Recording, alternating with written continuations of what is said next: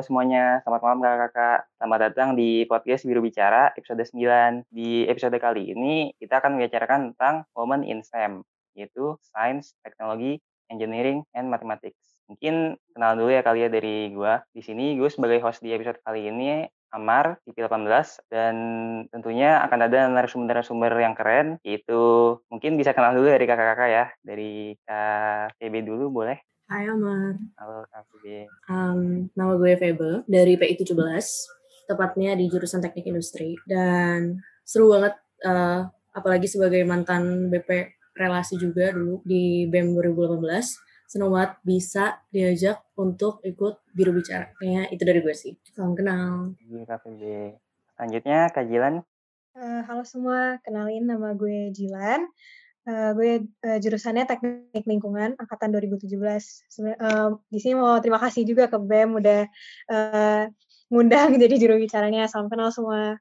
Salam kenal, thank you juga kakak-kakak. Mungkin sebelum kita lanjut bisa kasih tahu nih latar belakang dari kakak-kakak ini apa di bidang STEM ini. Boleh Kak Jilan mungkin duluan? Um, Sebenarnya sih dulu uh, kenapa aku milih STEM itu ada dua alasan sih. Yang pertama, aku suka sama IPA gitu, lingkungan. Aku peduli tentang lingkungan, jadi kenapa aku pilih jurusan yang uh, berkaitan dengan lingkungan itu uh, itu sebenarnya karena dan aku juga suka matematika, perhitungan, jadi lebih milih uh, STEM gitu. Terus yang kedua, aku ngerti kalau misalnya kalau ikut jurusan yang STEM itu karirnya lebih uh, fleksibel. Jadi kalau misalnya nanti suatu saat aku nggak kepengen sesuai sama jurusan, masih ada kesempatan buat aku nanti untuk ikut uh, karir yang lain, berkarir di tempat lain. Jadi gitu deh. Thank you. Uh, kalau KVB gimana ya KVB? Kenapa latar belakang STEM ya? Hmm, mungkin ada dua hal sih yang menurut gue sama banget kayak Jilan.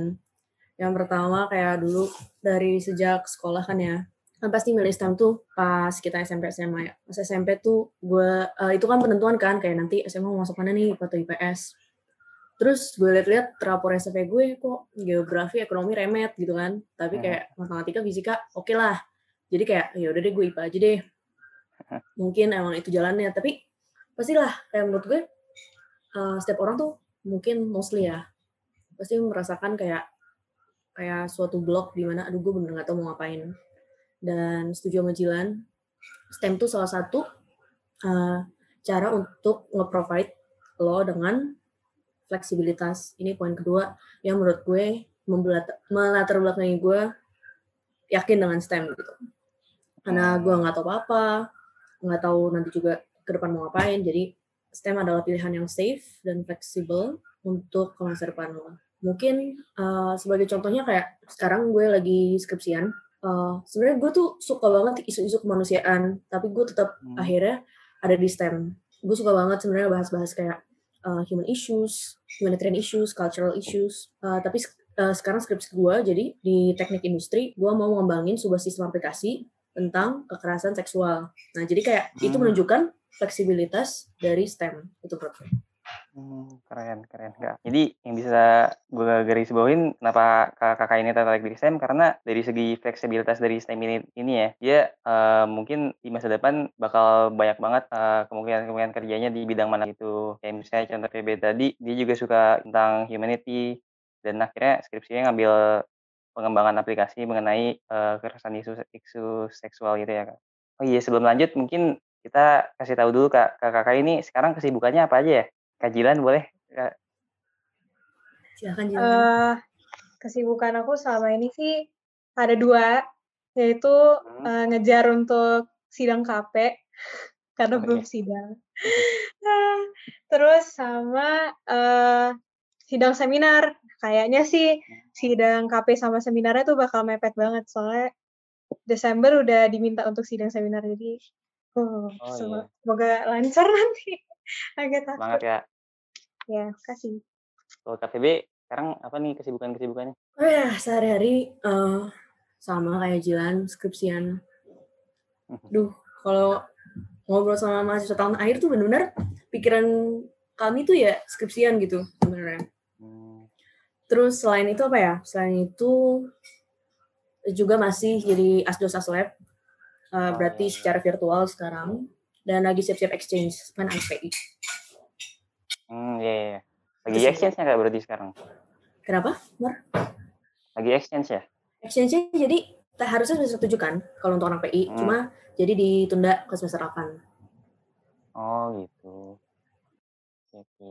Mungkin aku nanya pertanyaan kali ya kak. Jadi pendapat kakak ini soal woman in STEM tuh kayak gimana sih kak?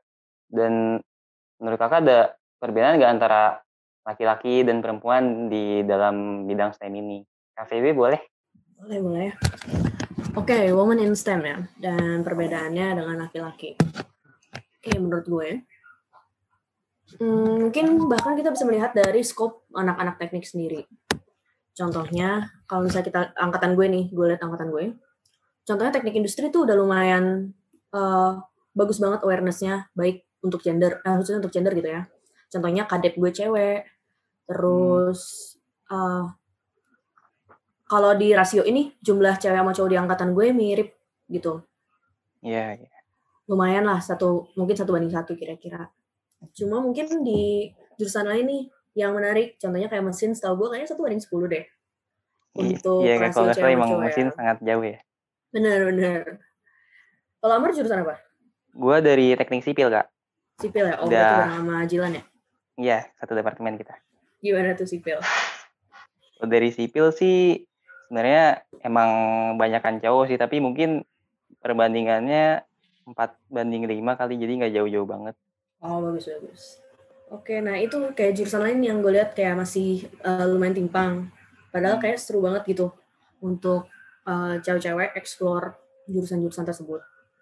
Karena nggak ada salahnya juga gitu ya kak di cewek-cewek ini di berbidang di misalnya teknik mesin gitu nggak ada iya.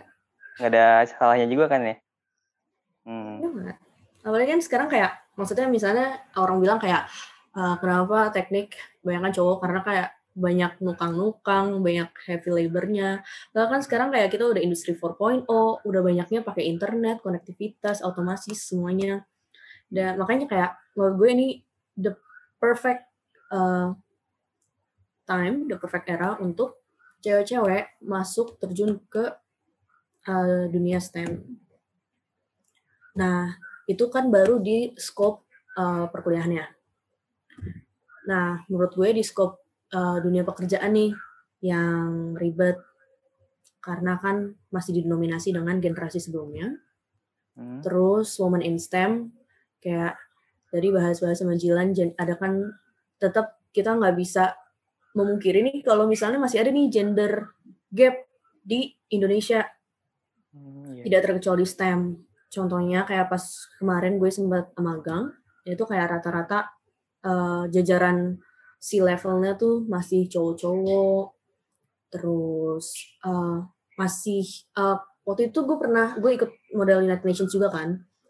Juga uh, ada concern di mana walaupun wanita di Indonesia tuh jumlahnya lebih banyak daripada laki-laki, tapi masih ada gender gap sebanyak 0,7. Aku maksudnya berarti kayak paling yang kerja tuh uh, dari 100 cowok berarti paling cuma 70 cewek.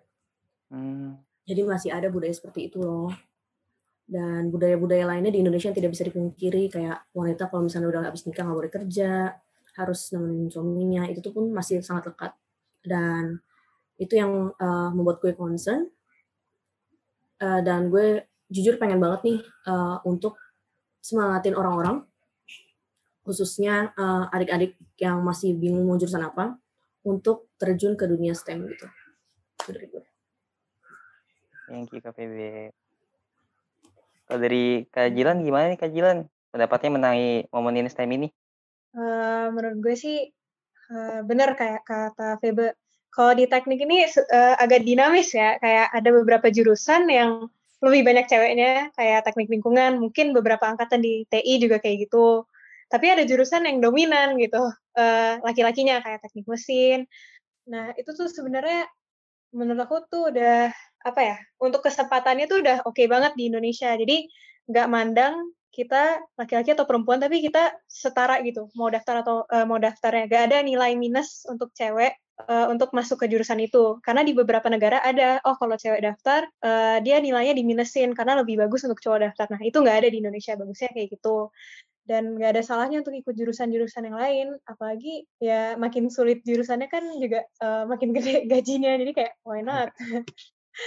Tapi kalau misalnya di tempat kerja di Indonesia di Indonesia sendiri udah lumayan bagus kayak oke okay, kita bisa masuk. Cuman mungkin kesulitannya adalah kalau misal kalau misalnya kita mau naik jabatan itu sih sebenarnya yang uh, susah untuk perempuan. Jadi ketika mereka mau naik jabatan tapi mereka lawan laki-laki bisa aja effort kita udah lebih tapi kita agak dianggap setara. Jadi kayak mereka lebih mentingin oh tapi kalau misalnya leader itu biasanya laki-laki gitu. Padahal tentu gitu. Itu sih yang masalah dan ini uh, aku ngerasain juga pas magang uh, di tempat konstruksi itu emang mayoritas laki-laki mungkin juga karena uh, harus berani mau pangan macam mereka sulit gitu untuk perempuan kayak gitu. Nah itu sebenarnya kesulitan women di STEM sih di situ. Bukan kalau di Indonesia sendiri mungkin bukan di educationnya tapi lebih ke nanti pekerjaannya sih. Kayak harus effort lebih dibandingin laki-laki gitu. Hmm, menarik menarik kak. Jadi kalau dari uh, Kak Yilan dan Kak Feby bilang, nanti di kerja pun mungkin pas nyari kerjanya, uh, mungkin, uh, nggak ada nggak ada terlalu perbedaan antara laki-laki dan perempuan. Tapi yang tadi Kak Yilan bilang, pas kita untuk karir untuk menanjak di karirnya itu, mungkin effort yang harus diberikan dari perempuan harus lebih gitu ya Kak, daripada yang diberikan oleh laki-laki. Iya benar. Dan itu emang benar-benar harus kita perhatikan ya, uh, kesetaraan gender ini di mana pun itu yang tadi Kak Feby juga bilang, sebenarnya isu kesetaraan gender ini bukan hanya di STEM ini ya Kak, cum, uh, tapi juga di bidang-bidang lain pun kesetaraan gender masih kurang merata di Indonesia gitu ya Kak. Iya benar. Tapi mungkin gue pengen uh, nanggepin yang Jilan bilang tadi, pas Jilan bilang kayak sebagai wanita tuh uh, memang kita mengalami banyak kayak diskriminasi uh, di dunia kerja. Jadi kita harus usaha lebih dan di situ gue pengen banget highlight ini kayak gue setuju banget sama Jilan. Di mana uh, dan menurut gue gak ada salahnya gitu loh. Uh, kayak kita sebagai cewek berusaha lebih gak sih? Kayak why not? Dan hmm. gue melihat gue percaya gitu loh dengan kata-kata kayak ya udah terbentur terbentur dan terbentuk. Gue percaya banget dan kalau kita wanita uh, as a, as women in STEM mau effort lebih mau usaha lebih gue yakin kita juga bisa uh, menjadi pemimpin-pemimpin ya di dunia kerja nanti. Hmm. Nah, iya, tapi itu makanya pentingnya kita semangat hmm. untuk masuk ke STEM pas kerja. Karena kalau misalnya representasi kita masih makin banyak, itu makin memudahkan generasi di bawah kita untuk masuk jadi pemimpin di STEM. Tapi kalau misalnya kita juga malas-malasan, nanti terus-menerus tuh diskriminasinya. Gitu. Benar-benar. Setuju banget. Iya, setuju, setuju. Jadi nggak ada salahnya juga ya kita effort lebih karena emang nggak ada nggak ada kerugiannya juga kita berusaha keras gitu. Mungkin aku nanya, nanya pertanyaan selanjutnya kali ya. Kalau kalau pendapat kakak mengenai STEM woman itu kerjanya ngapain aja sih kak? Mungkin uh, kakak kan udah kerja praktek ya udah magang, mungkin bisa cerita-cerita tuh STEM woman itu ngapain aja kerjanya mereka. Dari kak Kajilan boleh cerita? Kalau di bidang STEM ya seharusnya sih ya hampir semua pekerjaan yang boleh dilakukan oleh laki-laki di STEM ya perempuan juga boleh gitu.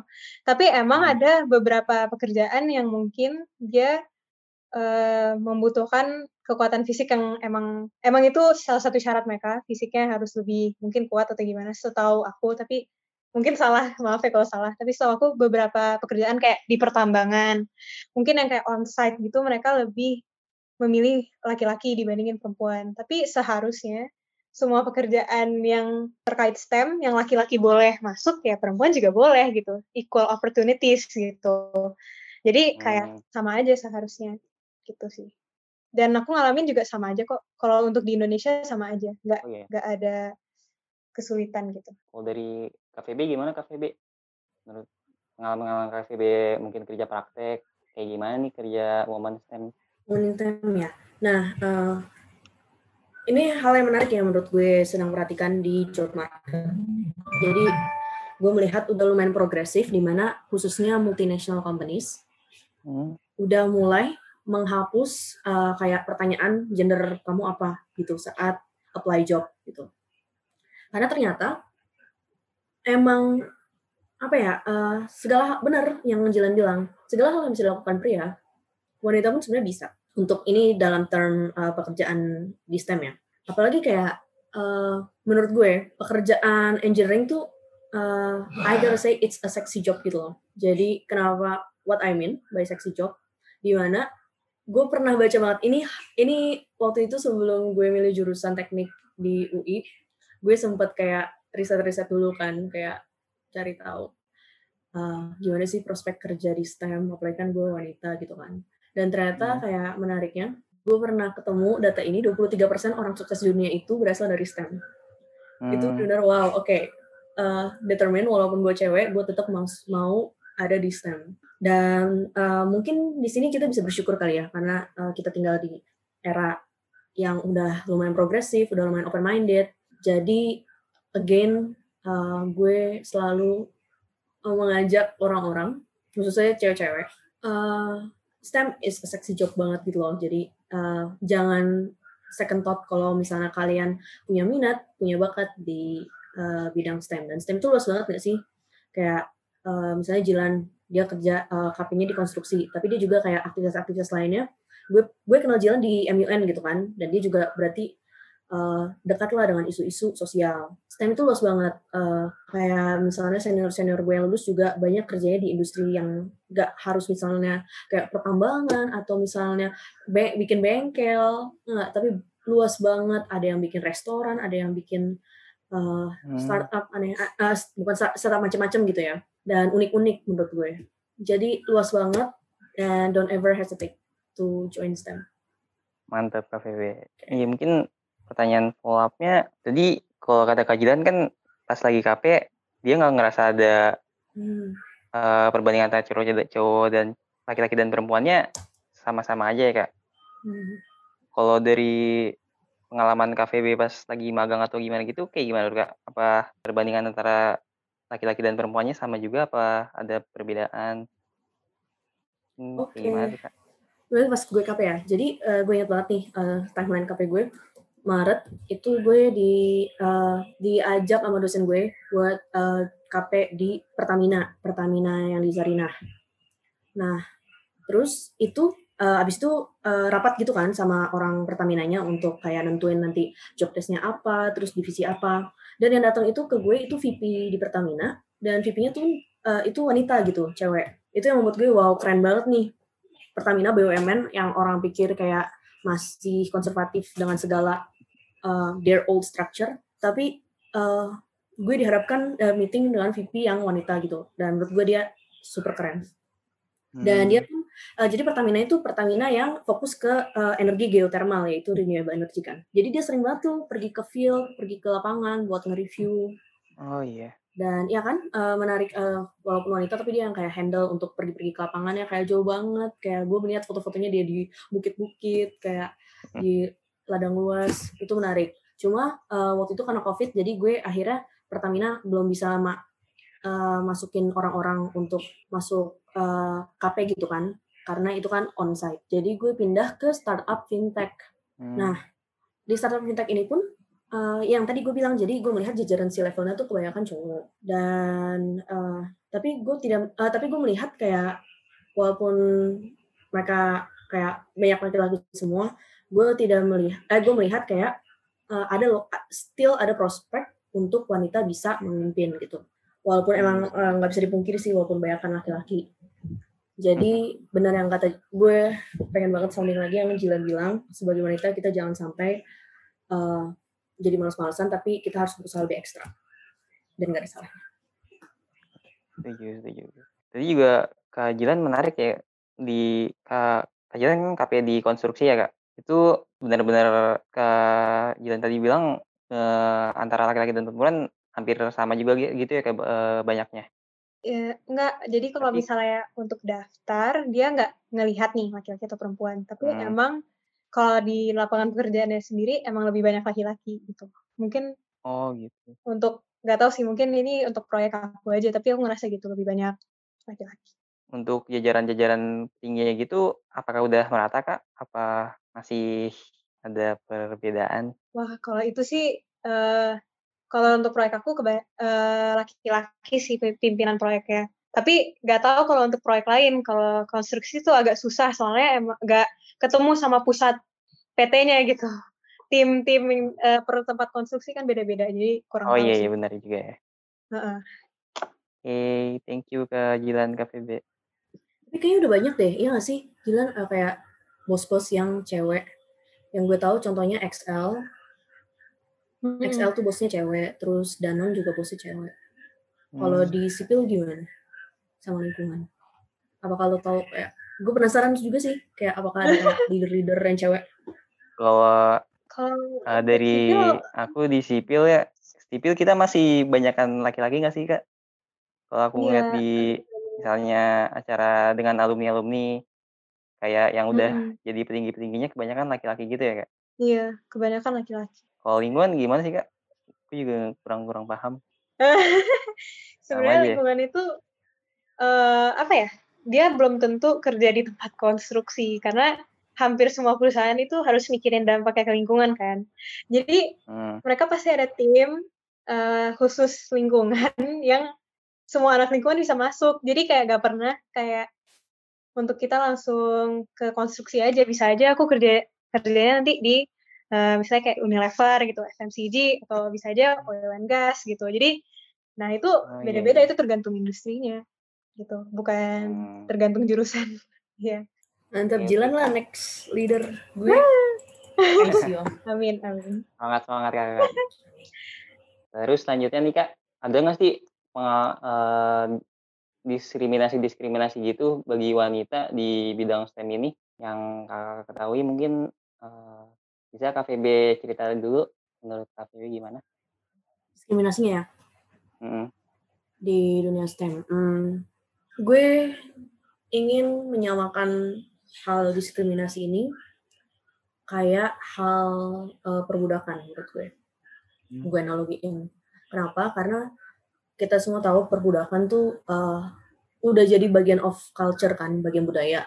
Jadi walaupun kayak udah dilarang di semua negara, tapi tetap nggak bisa dipungkiri, diam-diam tuh masih ada. Sama kayak diskriminasi juga. Walaupun kayak orang-orang kayak, "Ya kita nggak boleh diskriminasi segala macam," tapi undeniably itu pasti masih ada yang namanya diskriminasi. Dan gue selalu percaya juga, what doesn't kill you makes you stronger, di mana ya udah kalau, eee, kita pertama acknowledge diskriminasi itu ada, tapi kedua hal yang perlu kita buktikan adalah, eee, dengan skill yang harus kita tunjukkan gitu ke mereka.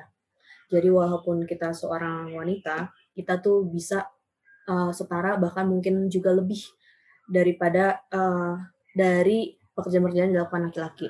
Dan setelah kita pertama acknowledge itu, terus kedua kita prove ourselves, itu menurut gue adalah hal-hal 2 hal utama yang bisa melawan diskriminasi yang ada di industri STEM ini. Oke, dari Kak Jilan gimana Kak Jilan? Eee, ada diskriminasi nggak menurut Kakak di bidang STEM ini bagi wanita? Sebenarnya aku, eee, sempet juga cari-cari, waktu itu juga kalau salah topik MUN. Jadi cari gitu, kenapa bisa adanya diskriminasi gitu di tempat kerja. Terus ternyata karena kalau di beberapa negara tuh, mmm, mereka menganggap, oh nanti kalau misalnya cewek udah berkeluarga, mereka biasanya langsung stop kerja. Jadi ngapain mereka dikasih kesempatan untuk jadi leader, eee, kalau nanti mereka juga bakal quit their job gitu. Padahal belum tentu, eee, mungkin karena sekarang juga udah makin susah, eee, harus dua dua-dua orang tua yang kerja, jadi mungkin stigma-stigma seperti itu tuh sudah tidak berlaku lagi gitu. Karena perempuan juga, mmm, ingin menghasilkan gitu, ingin berkarir sekarang, udah udah nggak berlaku lagi gitu stigma kayak gitu. Tapi karena stigma itu, itu tuh bikin diskriminasinya tuh banyak banget. Mungkin sesimpel, eee, susah naik pangkat, itu itu kayak masih simpel, tapi banyak banget, eee, perusahaan-perusahaan itu yang, eee, bahkan saat proses daftar kerja, mereka bisa diskriminasi. Kayak kalau misalnya mungkin ini lebih ke kalau nanti aku dan perempuan lainnya mau daftar kerja di di negara lain. Nah, itu mereka bisa diskriminasinya tuh kayak oh oke okay, kalau buat perempuan tesnya auto minus 100 poin gitu. Karena mereka Oh, lebih gitu. iya, itu benar terjadi uh, di negara-negara lain dan negaranya bukan negara yang berkembang ya, ini negara maju. Surprisingly hmm. this happen. Parah juga ya berarti. Ya? Iya, jadi diminusin karena mereka nganggap ya ngapain terima perempuan nanti juga mereka quit pas mereka punya anak pertama mereka pasti juga stop bekerja. Padahal belum tentu itu diskriminasinya hal-hal kayak gitu. Tapi ada juga yang diskriminasi yang paling nyakitin tuh juga kalau misalnya kita udah tahu kita kerjanya udah effort lebih daripada yang lain, kita sanggup untuk dipromosiin, kita minta promosiin, tapi bisa aja nanti uh, atasan kita bilang sebenarnya saya tahu kamu itu bekerjanya uh, sudah bagus gitu. Sudah melebihi employee yang lain. Tapi sayangnya kamu perempuan. Itu kayak wah. Terus gue harus ngapain? Gitu ya kak? Itu masih terjadi dan masih terjadi di negara maju juga. It's not negara berkembang. Ini hampir semua negara gitu.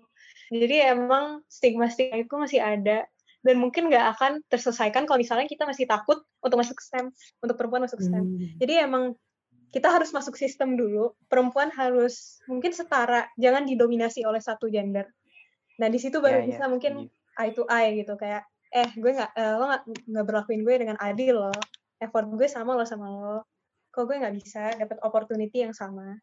Tuh, itu sih diskriminasi yang dapat terjadi. Hmm, menarik, menarik. Jadi bisa gue highlight ini di Bahkan di maju pun masih ada stigma-stigma bahwa perempuan itu ngapain sih kerja karena udah punya anak nanti juga di rumah kayak gitu ya kak. Mm-hmm. Dan di seharusnya di era industri 4.0 ini uh, stigma-stigma seperti ini harusnya harus dihilangkan gitu karena pada kenyataannya dia seperti itu lagi kayak gitu ya kak. Mm-hmm. Hmm, menarik. Benar-benar.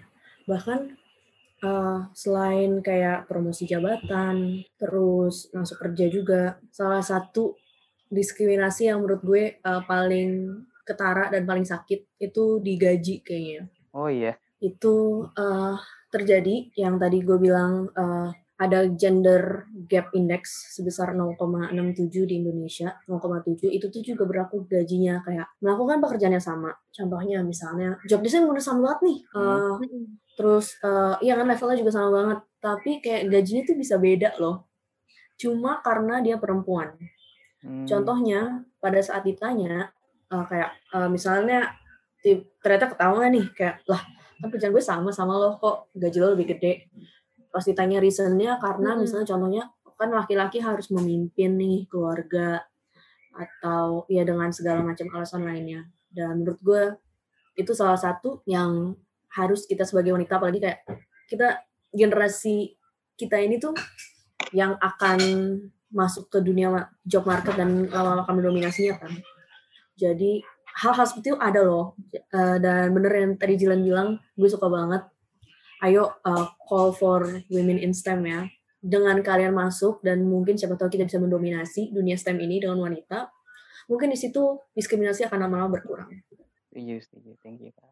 Lalu selanjutnya nih, aku mau nanya tentang perks and benefit di bidang STEM. Mungkin kakak-kakak yang udah berkecimpung di bidang STEM ini uh, bisa kasih tahu nih apa aja keuntungan-keuntungan yang bisa tidak dapetin di bidang STEM ini. Mungkin khususnya bagi para wanita. Dari Kak VB dulu mungkin bisa ngasih tahu nih. Benefits ya di STEM? Mungkin khususnya untuk women in STEM ya, coba um, kita pikirkan. Kalau untuk STEM sendiri yang pasti tadi uh, kayak yang Jilan bilang, gajinya gede. Hmm, dan fleksibel juga ya? Yes, exactly. Fleksibel yang tadi gue bilang kayak kita bisa ke mana pun. Uh, misalnya contohnya kayak misalnya uh, teman-teman yang di uh, soshum gitu, mereka kan tidak belajar kayak contohnya gak sesimpel kayak Gamtek uh, atau kayak kalkulus dan perhitungan-perhitungan lainnya, statistik lainnya. Sementara kan kita belajar di sini. Jadi itu akan menjadi advantage lebih untuk uh, women in STEM. Terus benefit apa lagi yang lainnya? Selain gaji, pekerjaan? Terus menurut gue, oh ya, ini menurut gue yang penting. Women in STEM tuh kita punya peluang besar untuk berinovasi. Uh, yang kayak gue bilang kayak uh, gue entah kenapa uh, gue yang tadi gue bilang uh, engineering is sexy. Kenapa? Karena untuk gue keren banget gitu loh. Bahkan kayak stereotip orang-orang ini memang uh, harusnya kita tidak menggunakan stereotip tapi kebetulan karena stereotip yang menguntungkan kayak anak teknik tuh kayak selalu dipikir keren gitu loh. Bahkan cewek di teknik kayak ya nggak sih? Iya, kayak yeah, yeah. lo teknik keren banget. Terus kayak apalagi cewek ah lo cewek di teknik. Terus kayak keren banget. Dan uh, itu menurut gue itu jadi salah satu benefit. Terus benar-benar teknik tuh uh, ini in general ya bisa kerja di mana pun. Jadi uh, sangat menyarankan untuk terjun ke dunia STEM dan dunia STEM ini tuh selalu berevolusi dengan cepat sekali kayak untuk kalian yang suka kayak hal-hal baru suka tantangan STEM is the perfect place for me hmm. dari kajilan gimana nih kajilan tentang keuntungan-keuntungan khususnya bagi women in STEM ini? Ya, uh, setuju banget sama Febe. Emang keuntungan pertama yang bikin pengen STEM itu gaji. Itu kayak wow banget gajinya. Mungkin gaji dari yang paling dasar mungkin kayak 8, 8 juta. Tapi bisa aja kalau misalnya kita makin kerja keras walaupun S1, itu bisa banget gaji pertama uh, 10,000 USD. Itu kayak bisa banget. Tergantung kerjanya hmm. apa. Jadi emang sangat menarik untuk uh, masuk ke STEM. Terus kedua in, uh, juga benar kata Feba untuk peluang inovasi. Sebenarnya ini banyak banget hal yang dilaluin perempuan, tapi laki-laki nggak sadar gitu. Itu sebuah masalah kayak yang sexual harassment yang kayak Feba bilang, atau misalnya sesimpel kayak oh kita mau kalau misalnya kalian pernah lihat di kamar mandi ada kayak bagian untuk ganti pampers per, uh, pampers bayi gitu di kamar mandi cewek. Hal-hal sesimpel itu sampai teknologi yang complicated itu kadang terbuat eh, dibuat oleh perempuan karena emang itu kesulitan yang dihadapin perempuan uh, atau dominannya perempuan gitu. Jadi itu sebuah uh, possibility gitu untuk perempuan bikin inovasi-inovasi based on their struggles gitu sih. Itu sih menurut aku. Kayak peluang untuk lebih berinovasi. Jadi keuntungan untuk khususnya momen STEM ini yang bisa aku highlight dari Cafe dan kajian itu peluang untuk berinovasinya mungkin, uh, lebih dari laki-laki gitu kayak kayak contohnya tadi aku pun baru tahu, ternyata di toilet wanita ada tempat untuk ganti pampers bagi bayi gitu. Itu kan salah satu peluang inovasi yang mungkin cuma bisa diketahui oleh para perempuan-perempuan. Hmm, selanjutnya nih Kak, gimana sih biar perempuan-perempuan lain pada tertarik untuk masuk ke bidang STEM? Mungkin untuk anak-anak SMP atau anak SMA yang ngedengerin podcast Biru Baru ini, apa sih Kak yang bikin mereka tertarik? Saya mungkin kan tadi udah diceritain juga engineering itu seksi dan gaji-gaji dari bidang STEM ini tinggi dan peluang kerjanya fleksibel. Ada lagi nggak sih Kak yang mungkin bisa biar para pendengar kita ini tertarik lah untuk masuk ke bidang STEM khususnya untuk para perempuan-perempuan. Dari Kak Jilan ada gimana nih Kak saran-saran bagi para pendengar-pendengar kita? Hmm, mungkin uh, saran aku pertama balik lagi ke gaji yaitu maksudnya sejelek-jeleknya performa atau kayak setakut-takutnya kamu bakal jelek gitu di STEM kayak gajinya tuh masih uh, rewarding menurut aku gajinya tuh masih oke okay banget jadi kayak bagus banget untuk nanti kalau misalnya uh, di masa depan kalian mau siap mod, uh, siapin modal untuk mungkin bikin bisnis sesuatu atau uh, semacamnya lah. Jadi gak harus kerja uh, di perusahaan terus. Terus kedua, aku nggak tahu sih kenapa gak mau STEM, kecuali emang minat bakat kalian di tempat lain. Tapi hmm. kalau misalnya karena oh nanti pengen punya suami terus kerja di rumah aja ya justru itu masuk ke STEM biar dapet suaminya yang lebih ganteng, yang gajinya juga gede. itu uh, motivasinya mungkin uh, cowok gitu ya. bisa bisa. Gimana kalau Febe? mantap mantap Jilan. Nggak salah loh uh, semua yang dikatakan Jilan itu. Nah, gue cek lagi. Oke, okay. apa ya selain Jilan tuh dia udah nyebutin semua lagi uh, gaji kan yang tadi uh, orang uh, rata-rata orang sukses tuh banyak banget dari STEM. Terus ya calon pasangan hidup. Terus uh, apa ya kalau tadi uh, STEM ya kenapa orang harus STEM mungkin pertama yang gue bisa ajak khususnya untuk uh, adik-adik SMP dan SMA yang mendengarkan, uh, kita butuh kalian untuk masuk STEM. STEM, uh, industri STEM tuh butuh kalian karena kita bisa lihat uh, ada kekurangan loh, ada kebutuhan untuk uh, lebih banyak lagi wanita untuk masuk ke dunia STEM ini. Dan dengan kalian cukup masuk dan menjadi representatif dari dunia STEM, itu akan sangat membantu untuk mengurangi diskriminasi yang pertama. Nah, terus gimana sih supaya cewek-cewek lebih tertarik lagi untuk STEM? Hmm, mungkin kita tuh perlu lebih banyak. Uh, ini juga sih yang pengen gue highlight. Pengen highlight kayak sebagai wanita uh, supaya kita bisa menghadapi diskriminasi dan bahkan overcome diskriminasi di dunia STEM itu dengan equip ourselves with as many skills as we can gitu. Jadi dari sekarang bahkan kayak apalagi ini pandemi kayak menurut gue perfect opportunity kita bisa cari skill di mana-mana. Uh, perlengkapi diri kalian dengan skill uh, yang akan dibutuhkan. Dari sekarang aja kayak contohnya misalnya nanti gue lulus gue misalnya contoh pengen kerja di perusahaan teknologi. Terus kayak apa aja nih yang dibutuhkan misalnya ngerti uh, ngerti uh, eh, UI design, ngerti Python atau segala macam. Nah, di situ kalian pelajari. Jadi udah punya target, equip yourself with skill, dan sadar kalau misalnya tuh ada banyak uh, kebutuhan untuk wanita masuk ke dunia STEM. Itu sih. Oh, terus selain tiga itu menurut gue, uh, bagaimana cara supaya wanita tertarik untuk masuk STEM? banyak-banyak uh, bikin program buat adik-adik SMA dan SMP kita. Contohnya ikut TOH. Bener banget tuh, ikut TOH emang Bener bisa bikin anak-anak SMA ini pada tertarik untuk kancah di bidang STEM ini. Bener banget. See you di next TOH. Setuju, setuju.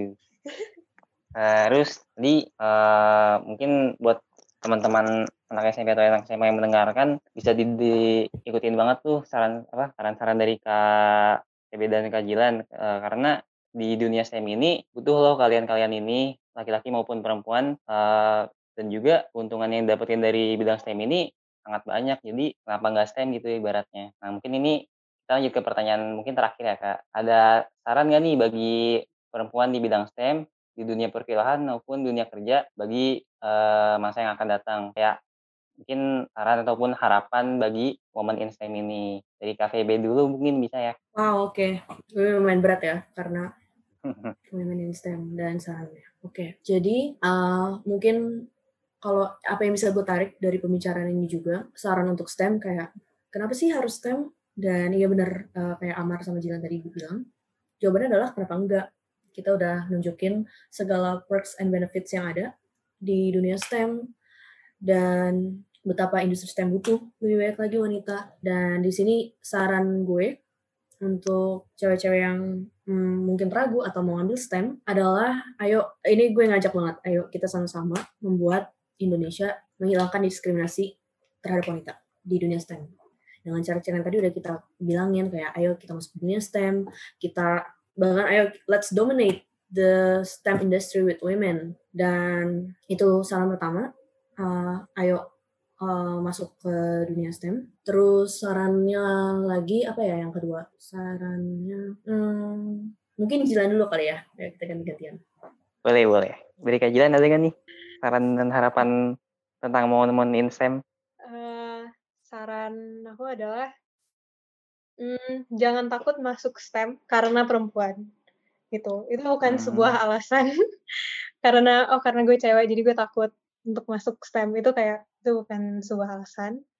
Uh, apalagi Indonesia itu butuh insinyur yang banyak, jadi peluangnya itu sangat tinggi untuk daftar jadi insinyur.